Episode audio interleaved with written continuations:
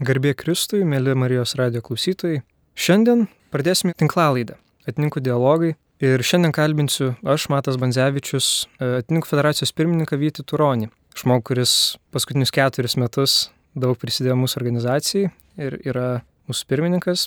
Gerą klausimą. Tai Vyti, Dėlė garbė, labai, kad pakvietei. Kaip pirmininkas ir aišku, turbūt ir pačiose ateitininkuose esat geriausiai žinomas žmogus, kurio nereikia rodyti nei nuotraukos, nei ką, turbūt po kunigo Domingo antras, bet vis tiek. Drįščiau suabejot, man kažkaip tai kyla tikrai abejonių, nes mūsų organizacija ir apskritai yra labai plati. Teko jau ir Amerikoje apsilankyti ir, ir netgi pačios patirtis mano pirmos po išrinkimo federacijos pirmininkų buvo tokios, kad jau viskas įvyko, jau, jau, jau ir mišios baigėsi, reiškia, suvažiavimo. Ir mes stovim tokioj dideliai krūvoj žmonių. Rydas Damgevičius daro nuotrauką nuo katedros stogo. Mes apačioj sudarė iš žmonių kūnų tokią skaičių 110, nes buvo mūsų jubiliejiniai metai ateitininkų. Ir aš atsistoju taip prie vieno vienetuko apačioj, prie, prie keleto vyrų ir jie kalbasi tarpusavį.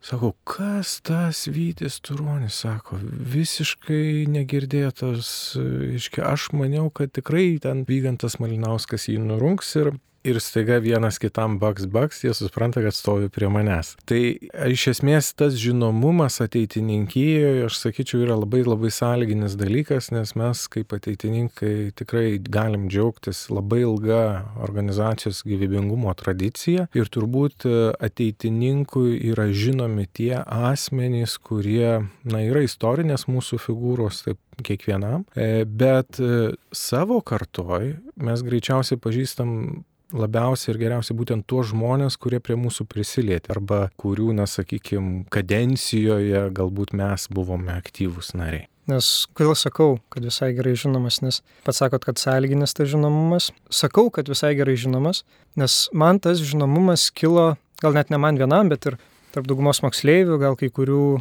studentų ir net sendraugių, kad jūsų nelabai kas pažinojo. Ir kad tiesiog taip iš giedro dangaus vieną dieną atsiradot. Taip. Ir tada visi klausė, kodėl esi pirmininkas. Taip. Saigi taip neseniai, kaip čia taip atsitiko, nes Vygantas Malinauskas jau ne vieną kartą ir Taip. toks gerai žinomas žmogus. Tai kažkaip norėtųsi sužinoti tą gilesnį istoriją, kaip atsirado ateitininkijai. Nes žinau, kad ir ateistais buvot palaikę Taip, taip. ir kad maisto laiminimas buvo naujiena.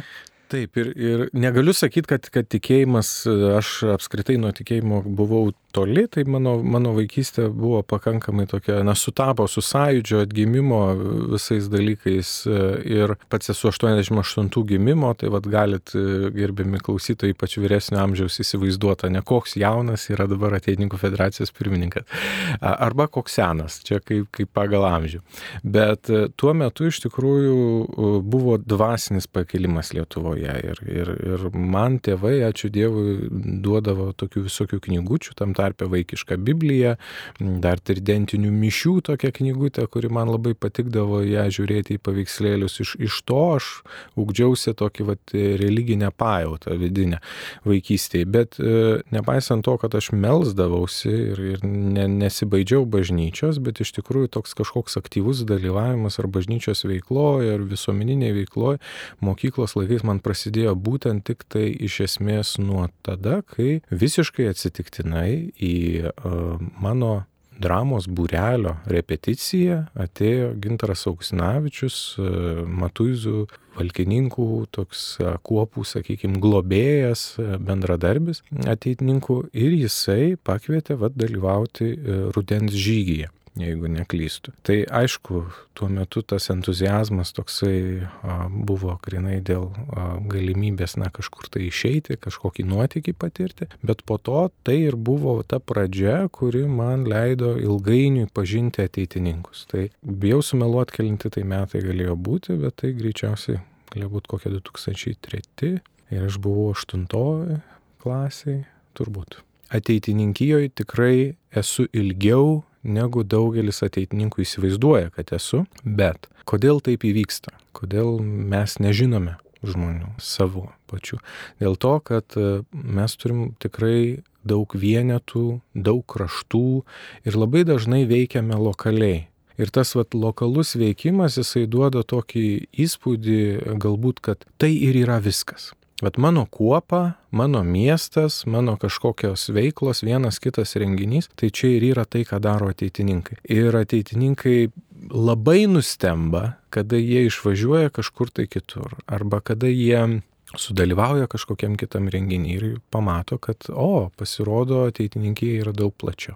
Tai tikrai, žinokit, yra daugybė žmonių, kurie yra nusipelnę ir Lietuvai, ir ateitininkijai, ir aš manau, kurių šiandieninis galbūt moksleivis, ateitininkas iš tikrųjų iki šiol net nežino. Tai visiškai ramiai priimu tą situaciją ir supratimą, kad nepaisant to, kad esu pirmininku jau turbūt 2,5 metų, jau antra kadencija eina, kad tikrai didelė tikimybė, kad dar yra ateitininkų, kurie irgi šiandien paklaustų, tai kas yra visgi Vytis Turonis. Tai va, apie tą paklausimą, kas yra Vytis Turonis, žinom, kad teisininkas. Taip. Taip, pagal profesiją, bet jūs kaip asmenybė, ar turit hobių? Va tas Vytis, kai nebūna teisininkų, nebūna federacijos pirmininkų, ką jis įveikia laisvalaikį?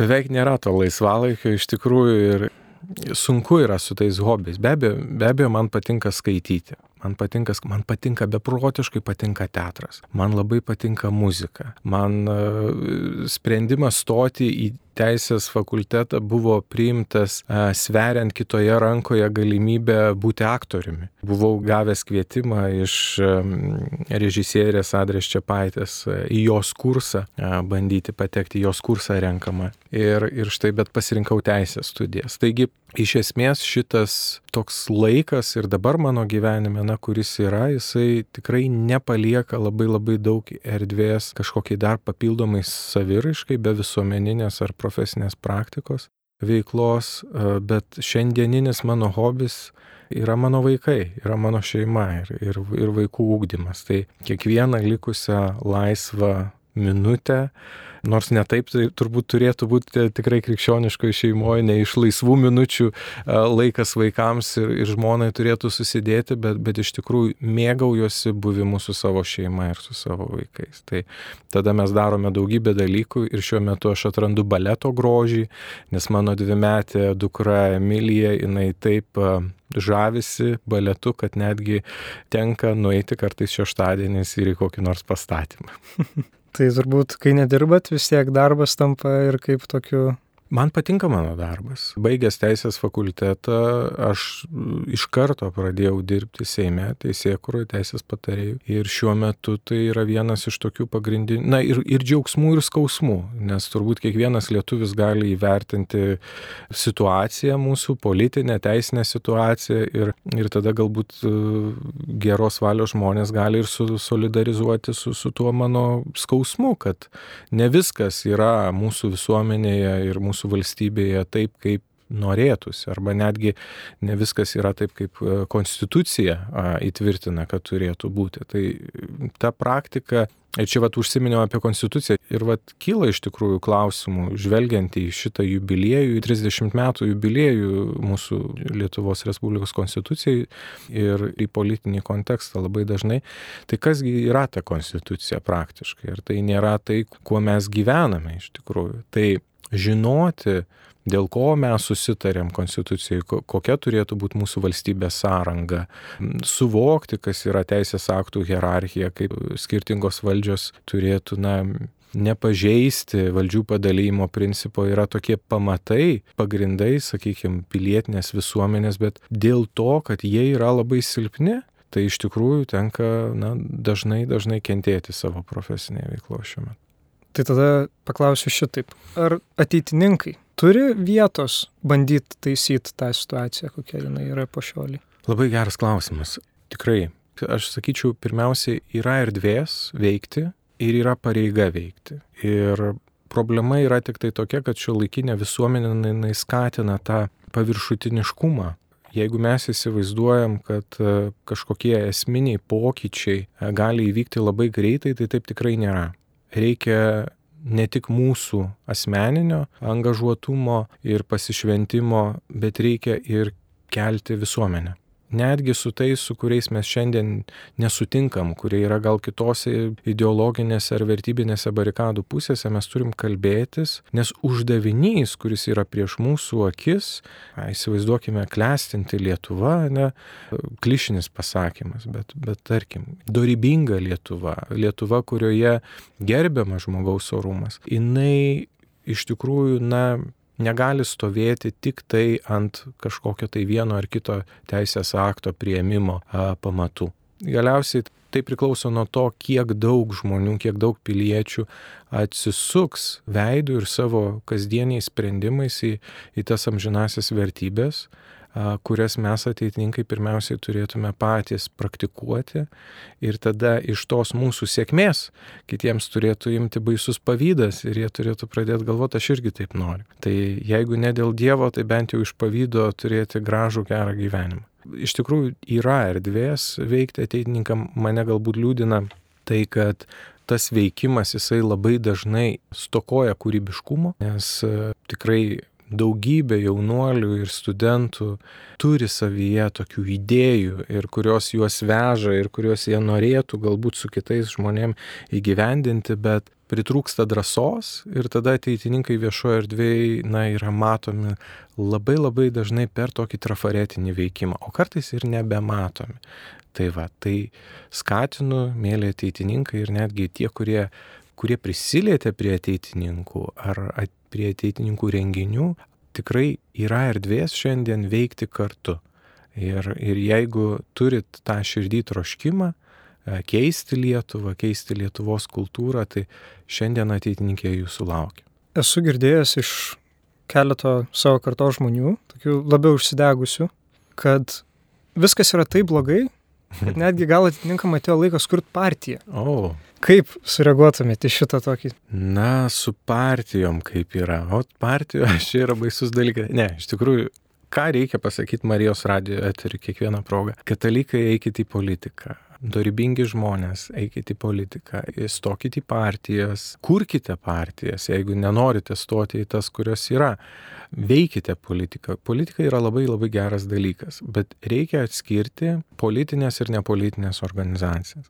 Ir ateitininkai savo esme nėra politinė partija. Ir dėl to ateitininkai kaip tokie neturėtų ir steigti tokios partijos ir, na, aš nepritarčiau, kad atsirastų kada nors Lietuvoje ateitininkų partija. Dėl to, kad misija pirmiausiai e, visą atnaujinti Kristuje prasideda kiekvieno žmogaus širdėje. Ir aš tikrai tikiu e, kultūriniu pokyčiu labiau negu politinė programa. Reikia suprasti, ar jos įgyvendinimo galimybė.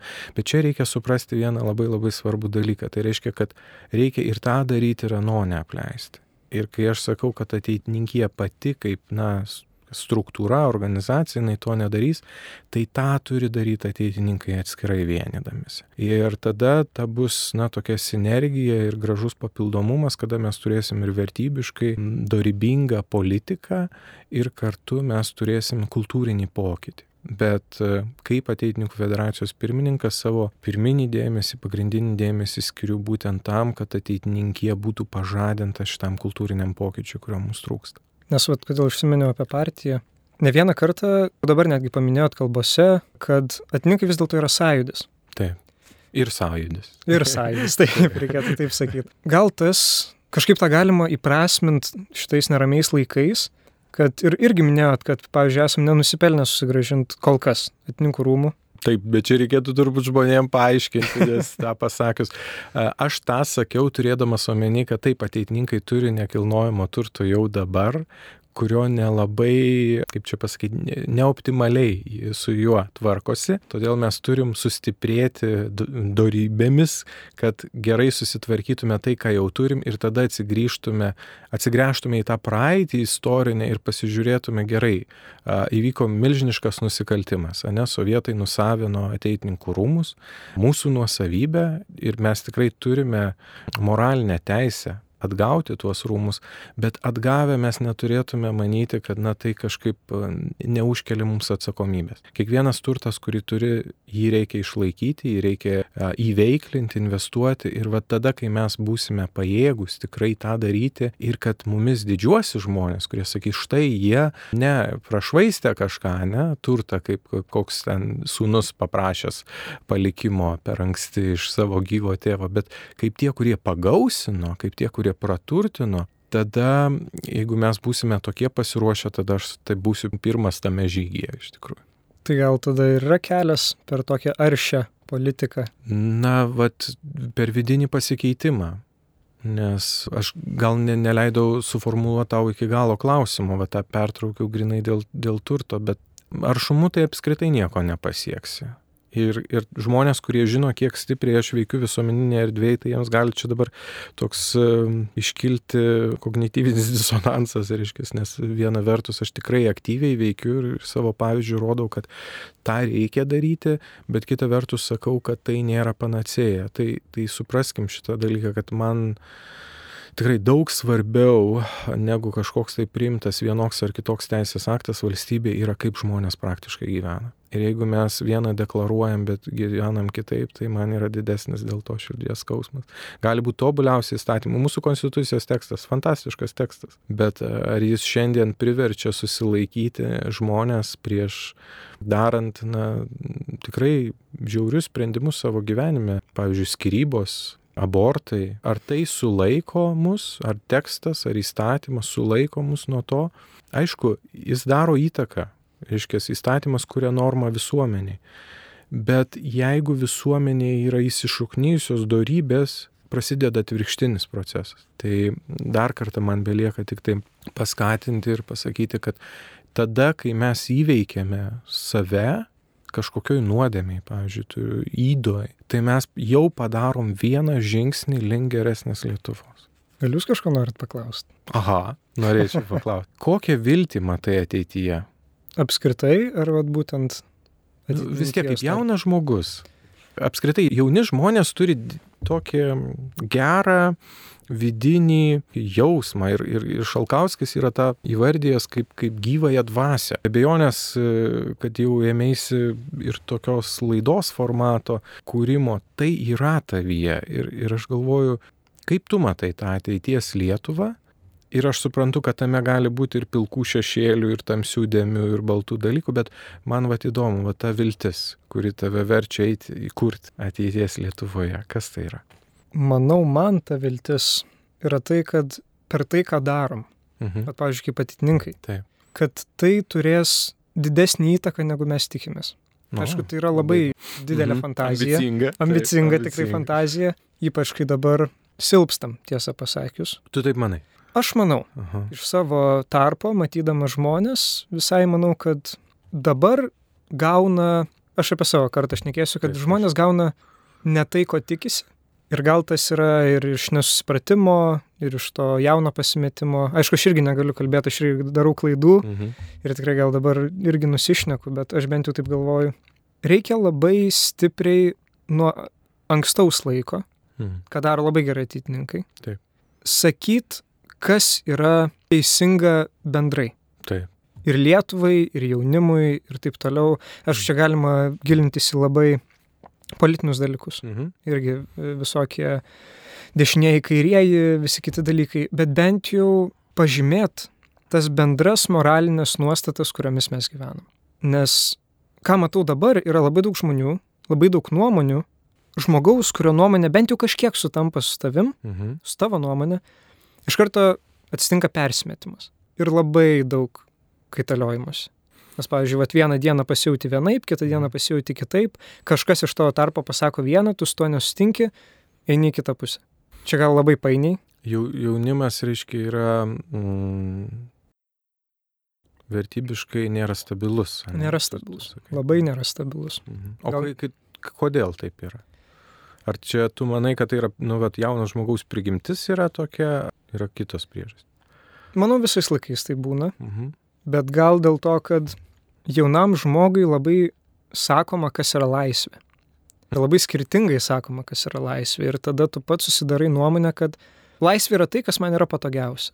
Nes, at, pavyzdžiui, yra tas vadovėlinis apibendrinimas, kas yra laisvė. Tai yra galėjimas nedaryti to, ko nenori, o ne darimas to, ką nori. Galėjimas daryti tai, ką turi padaryti. Nu, arba šitą. mm. Ir da žmonės gal tai pamiršta ir da atsiranda, kad mano laisvė yra tik, aš suprantu, kas yra laisvė. Mhm. Čia irgi labai blogas sakinys. Mhm. Bet labai panašiai kaip mene šiais laikais. Jeigu aš pasakau, kad tai man yra menas, Taip. Tai automatiškai tampa menu, nes tu manęs Turi nepažįsti. būti kitam irgi menas. Tai kitam irgi turi būti menas. Mhm. Ir, tas, ir man atrodo, jaunose žmonėse yra. Bet, bet ar tu nemanai, kad taip yra, kol tai neatsitrenkia visgi į realybę? Yra. Aha. Ir man atrodo, kad tai vyksta, kai žmogus pamato, kad yra rėmai. Taip. Nu vėlgi, realybė. Aha. Šnekant apie teatrą, Taip. e, buvau spektaklį Jaudulys. Mm. Tikrai patiko man tas spektaklis. Ir tai paminėjo, kad menas turi turėti rėmus. Mhm. Ir manau, kad vis tiek, kadangi menas atkartoja gyvenimą, tai ir tas pats gyvenimas turi turėti rėmus. Nes kad Ir jis turi, turi, neišvengiamai. taip, bet- Jeigu tu šoksi nuo, nuo ten penkto aukšto, tai turbūt nekilsi. į viršų. nekilsi į viršų, nekrisi aukštyn. Mhm, Nekrisi aukštinė. E, Bet tas manimas, kad galiu savo sukurti rėmus, arba kad tie rėmai neegzistuoja, kol aš jų Mhm. pats nepamačiau, čia galima labai sušviesti su tikėjimu, Mhm. e, tiesiog yra paplitęs dabar. Ypatingai, Mhm. spėju taip. Gerai, tai, tai aš taip paklausiu dar irgi tikslinamas klausimas. Kaip tu manai, kas vat, jaunam žmogui užtempia tą realybės pajūtimą iki turbūt kartais mes matom, kad, bet iš ūkdymo perspektyvos, ne, kad, kad sensta jaunimas arba jaunėja senimas. Vis mes kalbam, kad e, reikia didinti jauno žmogaus amžiaus, e, reiškia, tas ribas. Dabar yra iki 29, jeigu neklystu, yra noras padaryti iki 35 ir taip toliau. Ir, ir aš, kai tokie pasiūlymai išeina, man na, tiesiog bloga pasidaro. Aš galvoju, tai Dieve, tai gausis, kad visi mirsim labai jauni. Tai ar manai, kad e, tai yra toks atsitiktinis procesas, ar jis yra susijęs su kažkokiais objektyviais faktoriais, kad, kad jaunas žmogus atrodo baigia mokyklą ir vis dar tos realybės kažkaip ir nepajautęs, arba baigia universitetą ir vis dar savo fantazijas. Aš gal netgi skaičiau priešingai, Mhm. kad vad sakot, kad sensta jaunimas ir tas labai matosi. Bet dėl to, kad yra tas jauno žmogaus ugdymas, kad džiaugis gyvenimu. Taip. Viskas tau prieinama, viskas laisva. Mhm. Kad gali daryti, ką nori, vėliau rūpinkis Mhm. e, pasiekmėm. Mhm. Bet kas atsitinka, kad jaunimas tą daro ir ne vėliau susitinka su pasiekmėm, Mhm. bet tą pačią akimirką. Mhm. Ir tada jaučiasi, kad viskas. Aš dabar atėjau į realybę, Taip, man trenkia per veidą taip. ir aš nežinau, ką daryti. Mhm. Ir tuomet atsiranda ir, ir depresijos, Mhm. ir šiaip labai nukritų savivertė. Lietuviai iš visos Europos yra labiausiai intravertai. Mhm. Šiandien mačiau kažkur. Ir tas gal netgi pasako, kad mes labai norim saldžiai pa parodyti gyvenimą. Mhm. Bet iš to noro atsiranda begalinis bėgimas pirmin ir atsitrinkimas į realybę labai stipriai. Ir dabar pamečiau mintį. E, Tai iš dalies tu paneigiai tai, ką aš sakiau. O, Nu, ne, iš dalies, kodėl sakau iš dalies, nes man susidaro įspūdis būtent toks, kad tas realybės pajūtimas neteina vėlai, bet atrodo, kad tu sakai iš jaunimo perspektyvos, kad jaunimas pakankamai dažnai susiduria, kad yra taip, ne taip, kaip aš norėčiau, kad būtų, ne? bet tas pažadas išlieka širdį, kad bus taip, kaip aš noriu, ne? Ir kaip tau asmeniškai, kur tau čia yra tikėjimas šitoje vietoje? Koks tikėjimo vaidmuo tame? Tikėjimo vaidmuo, kad vis dėlto bus geriau. Mm. Kad yra į ką atsiremti ir kad tie sunkumai, kurie nuleidžia ant žemės, jie ir liks ant to žemės, bet pakilsi aukščiau. Labai poetiškas atsakymas. Tai, tai reiškia, kad iš esmės tu jau esi beveik pasiruošęs eiti ir evangelizuoti savo bendramžius. Kodėl nėra tada pilnos bažnyčios kiekvieną vakarą mišiuose tavo bendramžių? Nes atrodytų, kad va, štai vaistas, atradom vaistą nuo depresijos, nuo, nuo blogo gyvenimo. Nes tiesiog žmonės ne, net netiki. Labai paprastas atsakymas. Jie nėra susidūrę. Kiekvieną dieną visose medijose mato kaip yra tyčiajimas iš bažnyčios arba labai paviršutinis iškreipimas bažnyčios, nesusipažinus giliau. Ir tada atsiranda, kad čia dar viena kažkokia sekta. Taip. Arba dar vienas burelis, kuris atsirado, kai mokslas negalėjo paaiškinti dalykų, kuriuos dabar gali paaiškinti. Aha, žmonės išsigalvojo. Ir va tas ir ateina, tas netikėjimas, tos tuščios bažnyčios, kad kai tu netiki, tai ir tavo tie vaikai netikės. Mhm. Arba atsitiks priešingai. Bet dažniausiai turbūt bus taip pat. Mhm. Nes yra tas pasakymas, kad jeigu tau tikėjimas ir bažnyčia pasidarys kaip opcijos, Mhm.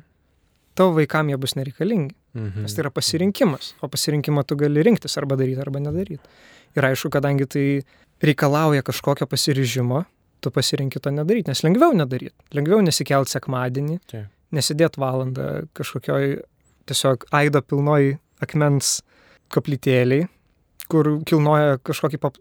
Bet, bet čia tik tai iš išorės žiūrint, ne, taip, nu, ta, ta va tokia šiaudinė kaliausė, bet, bet yra daugybė jaunimo, kuris ateina į bažnyčias ir mes matom juos nuostabiai veikiančius, evangelizuojančius, juos nešančius viltį į jaunimo tarpę. Ir, ir aš nebejoju, kad tu esi irgi vienas iš tų žmonių, kuris nepraleidžia progos paliudyti savo tikėjimą. Ar, ar, ar tu gali vat, pasidalinti kažkokią vat, konkrečią istoriją, kaip tavo liudijimas buvo viltis kitam žmogui, kuris neturi tikėjimo.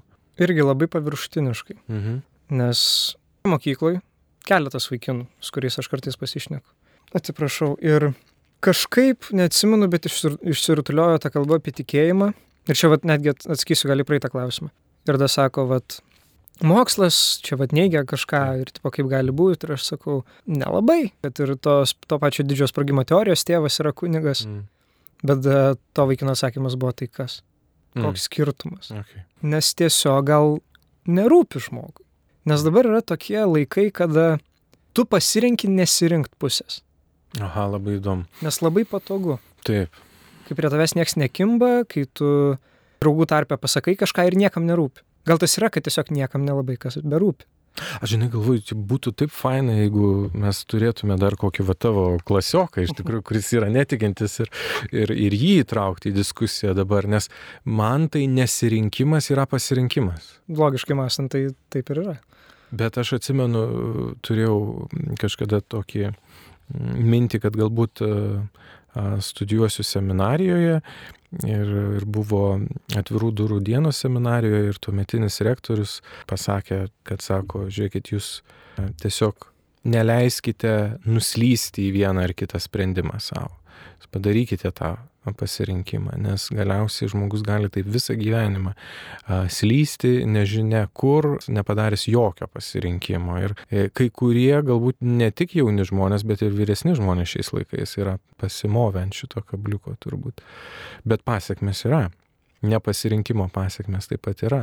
Ir tavo pavyzdys, vat, e, kur iš istorijos, ne, kad žmogus sako, kad jam nesvarbu tai, ką tu sakai, tada kyla klausimas, ar jam buvo apskritai svarbu tai, ką jisai pasakė. Ar iš vis argumentai svarbu šitoj e, diskusijoje, nes atrodo, kad žmonės šiais laikais yra labiau tikintys negu bet kada e, anksčiau, ta prasme, kad jie savo gyvenimą grindžia labiau tokiais e, prielaidom, galbūt net tomis, kur įsitikinimais, ne kažkokiais, kurie nėra susijęs su tikėjimu be bejonės, bet jie žmogui sukuria kažkokią galvoje jo pasaulio tvarką, kuri vėl, vat, kaip ir kalbėjom, jinai nesiremia niekaip į tą objektyvę realybę. Ir, ir tai yra keista, nes vieno jauno žmogaus, ir ne tik jauno, bet bet kurio, manau, troškimas turėtų būti pažinti realybę, kokia jinai yra. Ar tu manai, kad tą galima kažkaip tą vertybę, vat, pažinimą dar moksleivių tarpė jau išeinant už religijos klausimo tyrimo, kuris yra labai svarbus, bet apskritai, vat, mokykloje mokotės daugybę dalykų, ne? Tai ar galima kažkaip sugražinti tą švietimo procesą prie to, kad mes bandytume tikrai trokštume pažinti realybę, kaip kokia jinai yra? Ar yra tame vilties Tok, tokiam būdė? Manau taip, Mhm. bet reikia labai užsidegusių ir dirbančių žmonių. Pedagogų, tikrų pedagogų. Jaunimo Ir jaunimo. Taip. ir, ir pačių moksleivių. Mhm. Pedagogai, aišku, labai stiprus dalykas, nes dabar su mokytais nelabai ką padiskutuosi, nes tai yra jų darbas.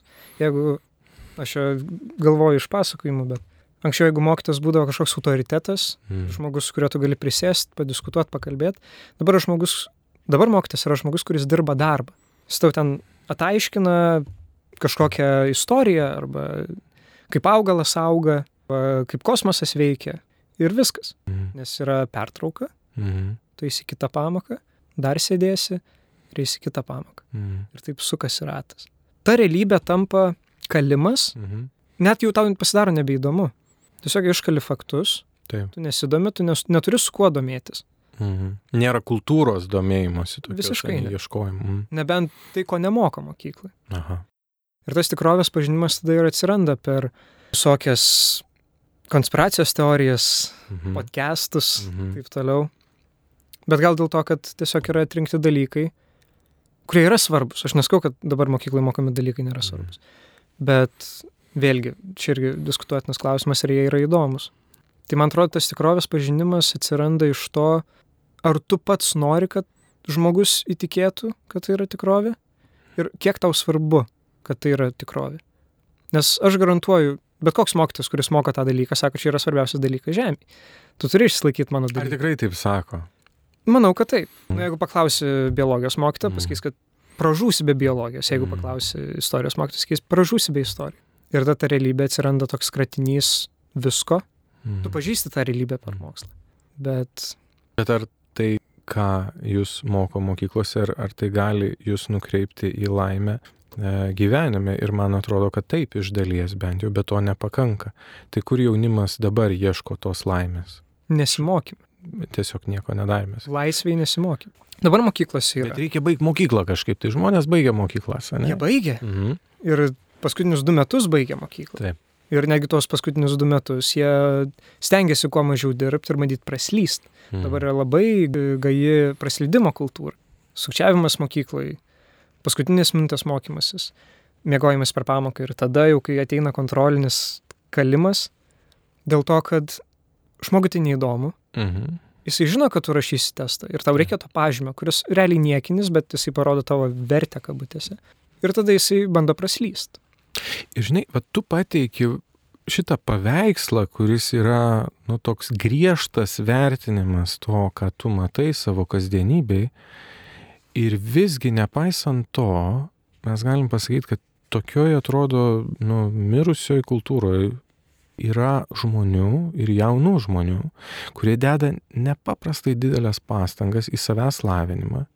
Jų, aišku, juos veikia kontekstas, ne tas, bet, bet jie ieško, jie grežiasi į vertybės.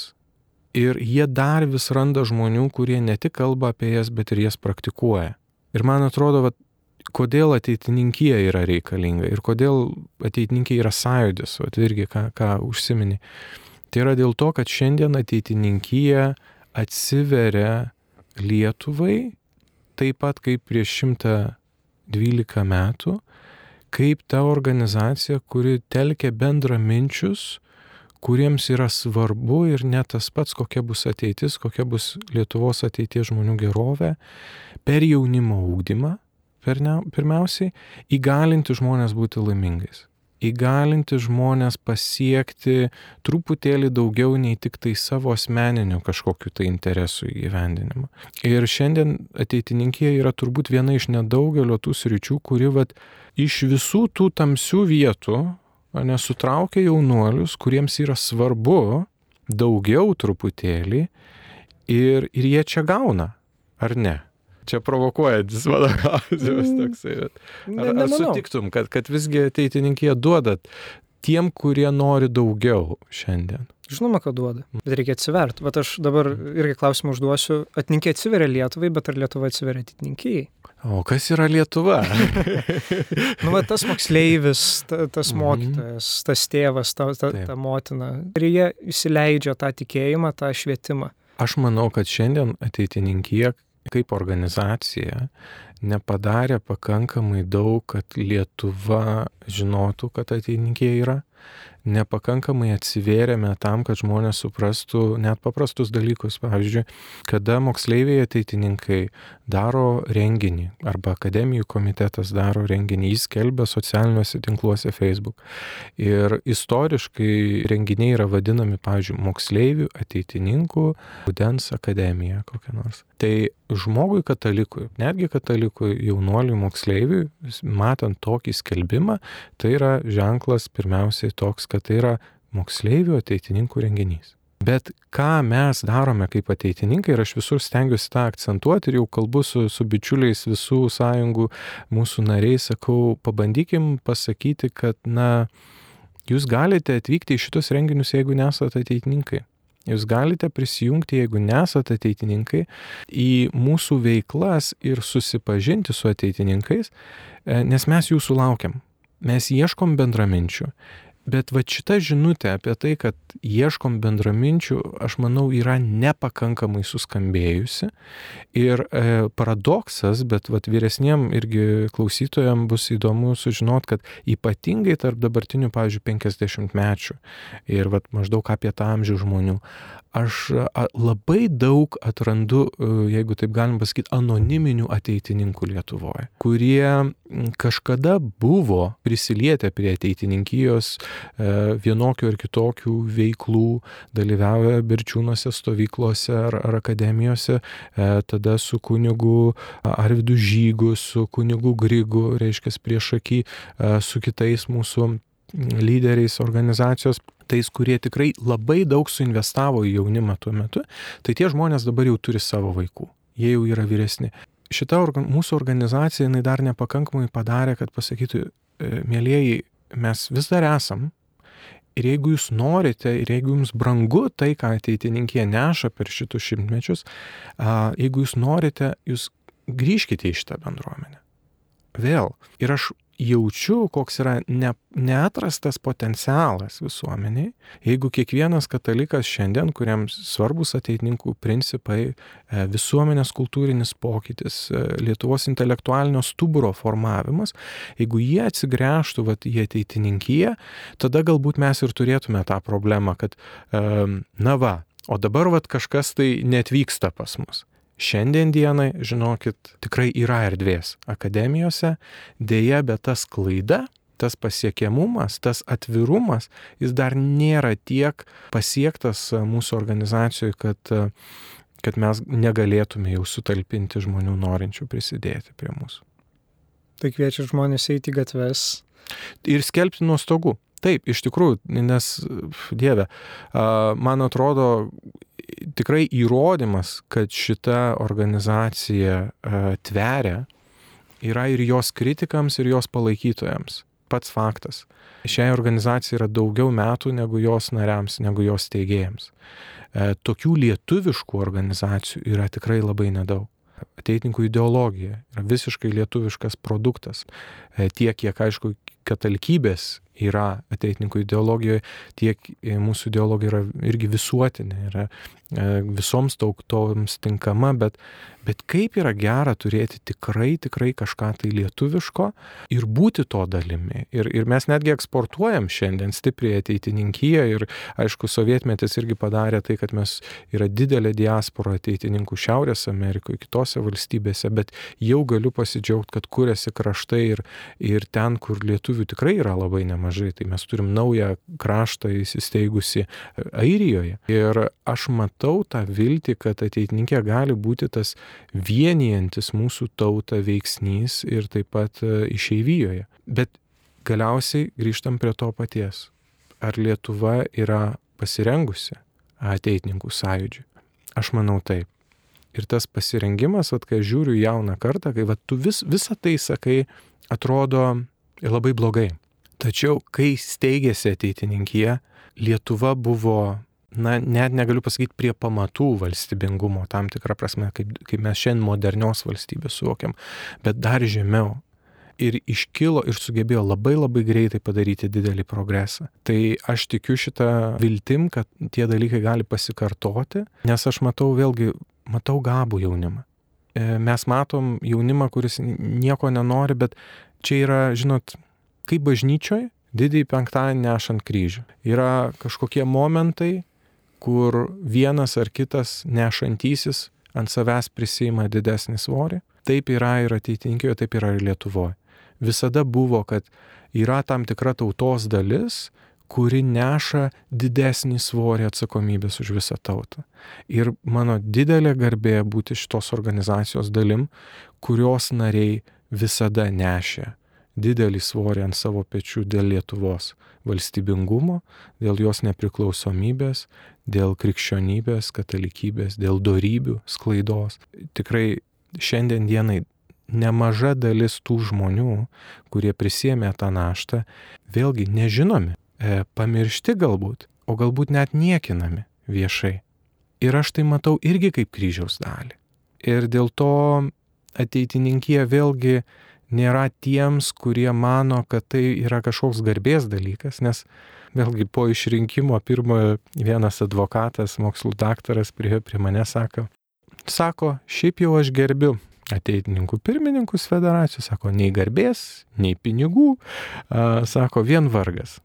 Tai iš esmės tai, kas yra federacijos pirmininko kasdienybė, tai yra ir kiekvieno, kuriam rūpi Lietuva kasdienybė, nes Mane dažnai kritikuoja, vat, moksleiviai, tarp kitko irgi, kad aš sako, mažai, mažai šypsosi, ne? ir aš kartais būna kokis pranešimas, skaitau renginį irgi. Ir ten mūsų vidiniam tinklė ateina koks žinutė, tai galėtų bent nusišypsoti ar dar kažką. Džiaugiuosi, kad, kad jaunimas na, nori to, to pozityvo ir panašiai, bet kaip ir pasiteisindamas noriu pasakyti, kad tas kartais rūp, rūpestingas veidas, jis nėra piktas. Ir aš manau, kad šiandien Lietuvoje mes irgi, vat, kaip tu sakai, yra daug introvertų ir yra daug tokių kartais e, rūpestingo veido žmonių, ne? Tai nežiūrėkim vieni į kitus kaip į piktus, bet žiūrėkim į vieni kitus kaip iš tikrųjų galbūt susirūpinusius dėl Lietuvos ateities ir tada šypsena atsiranda tada, kai tu pajauti bendrystės jausmą. Kai tu sutinki tokį pat susirūpinusi ir galvoji tada, aš nebe vienas. E, ir man, jeigu vat klaustų mane, kur, kur mano viltis, Tai štai čia ir yra viltis, kad tikintis žmogus niekada nėra vienas, jis visada jaučia tiek Dievo paramą, tiek tų, kurie jam šiandien yra atsiunčiami paramą. Tai va, taip, naudodamasis progą dar kartą kviečiu, mėlyjeji, atvykite, prisijunkite prie mūsų renginių ir taip pat prie mūsų veiklų, nes šiandien ateitininkiai labai labai reikia jūsų širdžių, protų ir rankų. Ar pamatysim kada nors ateitininkų vardą istorijos vadovėliuose? Jis jau yra. Jis jau yra istorijos vadovėliuose ir daugybėje. Ir man turbūt e, būtų smagiau pamatyti ateitininkų vardą aikštėse. Man smagu būtų matyti ateitininkų vardą kavinių pavadinimuose. Nežinau, juokauju, bet o, jeigu aš galėčiau pasakyti vieną vienintelį patarimą jaunam žmogui šiandien dienai, tai nekaltinkit dėl savo gyvenimo nesėkmių kitų žmonių. Nei praeities kartų, nei dabartinės aplinkos nieko.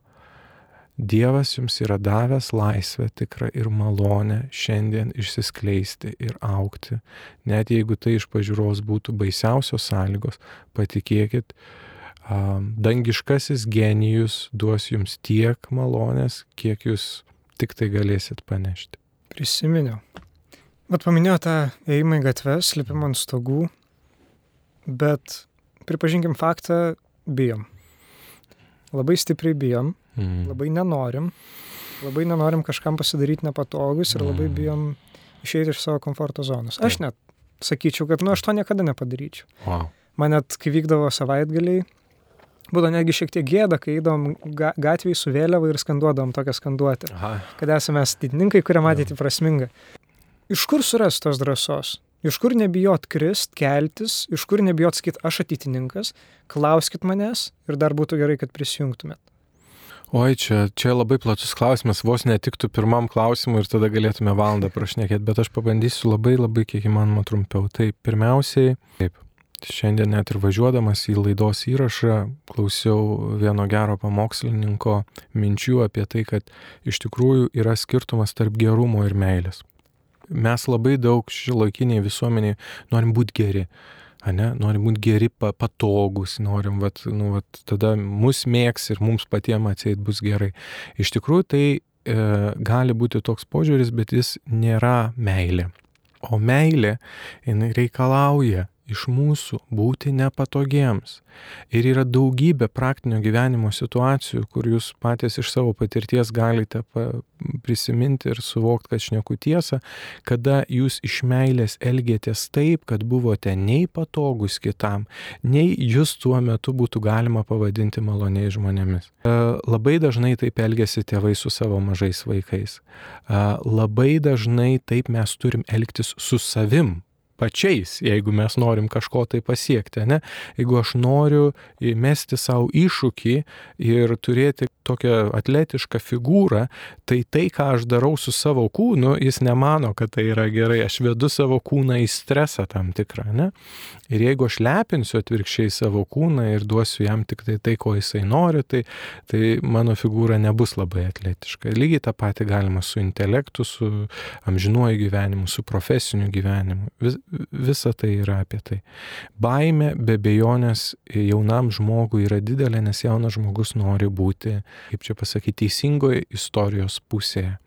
Deja, bet mes niekada negalime būti tikri, kad netgi pasirinkdami, pavyzdžiui, tuo metu dominuojančią poziciją e, visuomenėje mes esame teisingoje istorijos pusėje.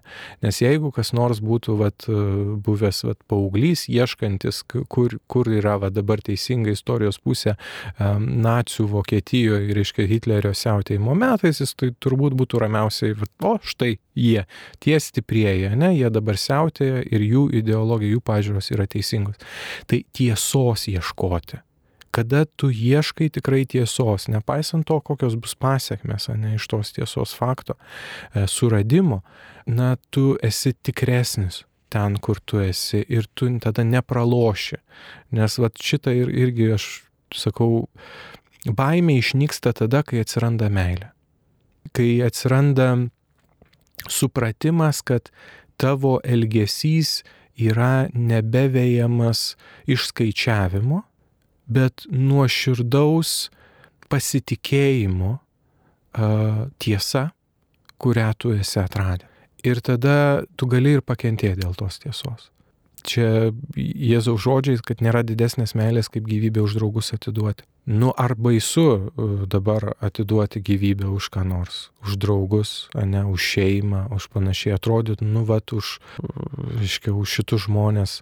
Yra žmonių, kurie šiandien negalėtų atiduoti gyvybės už savo šeimą, nepaisant to, kad mato juos esant, na, gėri savo gyvenime. Reiškia, trūksta tos dorybės, kuri leistų šitą pasirinkimą daryti. Tai gyvenam tokiam vadorybių nuopolį, reikia, norint būti drąsiam, reikia praktikuoti darybės, ne, reikia aukti, reikia aukti. Bet sudėti savo viltis ir savo troškimus į nenykstančius dalykus ir išsivaduoti nuo noro atrodyti gerai. Nu, yra tas gundimas, didelis. Bet um, tik tada, kada mes išsivaduojam nuo šito, mes galim pradėti vadintis laisvai žmonėm. Tai baimė niekada neduoda gero sprendimo. Ir jeigu jau aš jaučiu kažkur baimę, tokia iracionalią, aš manau, kad e, tai man signalizuoja, kad čia dar trūksta Dievo švieso šitam dalykė ir man reikia daryti pastangas, kad e, tos baimės čia neliktų. Bet tada kaip daryti su tai žmonėm, kurie įtikinčiusius Nu, tarkim, kad yra atitinkė, kad ir kokia jinai būtų ir e, patriotiška organizacija ir turinti daug dalykų šalia tikėjimo. Aišku, tai yra pagrindinis dalykas, bet aš galima išskirti ir kažkas, kas nebūtinai tiktų tikinčiam žmogui, nes garantuoju, pas mus yra tikrai daug netikinčių. Mhm. Paaiškink žmogui, kad tu nesi išplautom smegenim, kad tu nesi lepšis ir netiki tik tai dėl to, kad tavo tėvai tave nusivesdavo per Velykas ir Kalėdas į bažnyčią ir kad tai yra protingas dalykas. Nes daug jaunimo. Čia aišku labai ilga mm. problema ir mhm. kiekvienais laikais mm. yra. Mm. Jaunas žmogus netiki, nes tai duoda kažkokias taisyklės, kurios varžo jo laisvę, tarkim, kabutėse, kuris neleidžia kažko daryti, kuris sako, kad yra kažkokia desnė jėga ir kad ta pati mirtis ir Dievo tikėjimas padeda susitvarkyti su mirties baime, kitais dalykais engia kažkokias mažumas. Kaip vad paaiškinti žmogui, kad tai yra daugiau negu išgalvota konspiracija plauti pinigus Mm. Bažnyčios ir Mhm. plauti žmonėms smegenis. Nes tokių žmonių yra belekiek. Nu, čia klasika, aš, aš tokius klausimus keldavau, kai buvo man 16-17 Tai metų. nes manau dabar daug tokių klausosi 16 metų, 17 metų. Jo, tai aišku, dabar aš į šitus klausimus truputį kitaip žiūriu. Aš galvoju, o, o kodėl aš turiu paaiškinti tam kitam žmogui tą?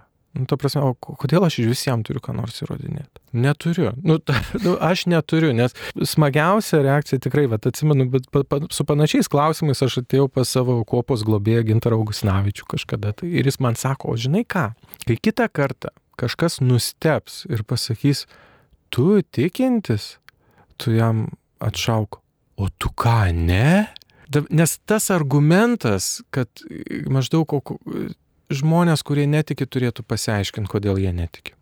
Nes, na kaip čia pasakyti, žinai, sako, jūsų tikėjimas yra spragų tikėjimas, ne? Jūs, jūs Dievą įkiša ten, kur jūs negalit kažkaip kitaip mokslo ar kažkuo tai paaiškinti ten ir panašiai. Galima atsakyti žmogui, tavo ateizmas yra spragų ateizmas.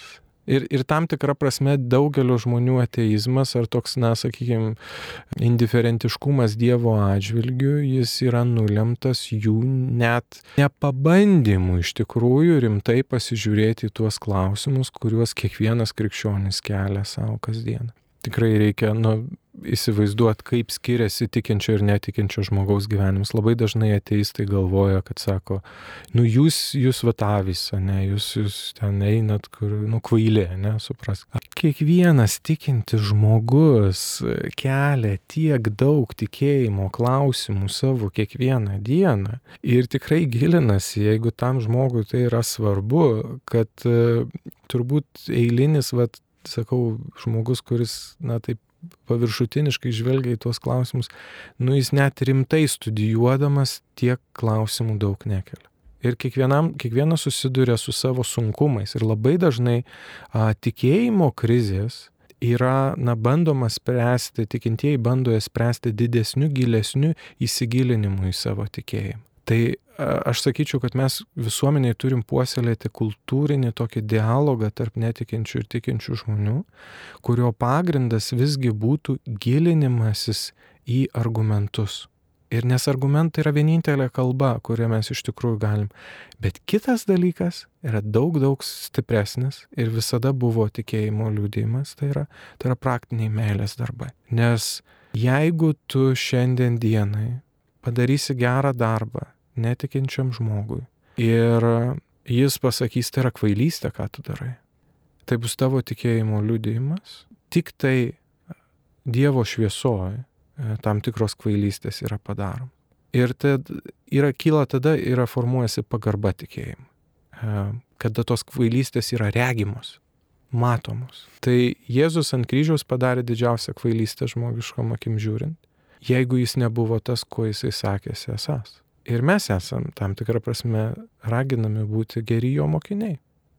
Kvailiai pasaulio akise, dėl kurių šitas pasaulis pažįsta Dievą kaip tokį, mylinti, bet nebūtinai gerą, populiariają to žodžio prasme. Bet jeigu vad žiūrėt rimtai, pavyzdžiui, ateitininkijos prakt... strategiją, vat, kaip dabar reikėtų veikti, tai tiesiog reiktų susirinkti visus žmonės, kurie su mums sutinka. Tas bandymas daužyti galvą į sieną ir įrodinėti kažkam, tai, žinai, kad žmogus nenori klausyti, yra, nu, toks truputį bergždžias. Bet yra tiek daug žmonių, kurie šiandien turi, yra, vad sakau, anoniminiai ateitininkai ir yra gilus tikinti žmonės, kuriems reikia artimo bendrystės ir kurie nori daryti kultūrinį pokytį Lietuvoje. Ir tie žmonės tiesiog dar nėra suradę vienas kito. Tai reikia nebijoti kartais ir atrodyti kvailai, kad indikuotum, kad štai tu irgi toks pats kvailys. Tai ką, gyvyti, ačiū labai, kad apsilankėt. Taip pat noriu padėkoti Marijos radijui, kad mus priemė, leido rašyti, jums klausytai, kad klausotės, draugams atininkams. Pakvieščiau paremti mus Contribui platformoje, nes visgi tik sodindami gilės mes galime išauginti ažalus, o kad tie ažalai auktų, jos reikia laistyti. Didžiausia parama, kokią mes galime gauti, šiūs tai aišku yra dalyvavimas, ir auka. Tai dar kartą noriu padėkoti Vyčiui Turoniui. Aš buvau Matas Banzevičius. Iki greito. Su ne.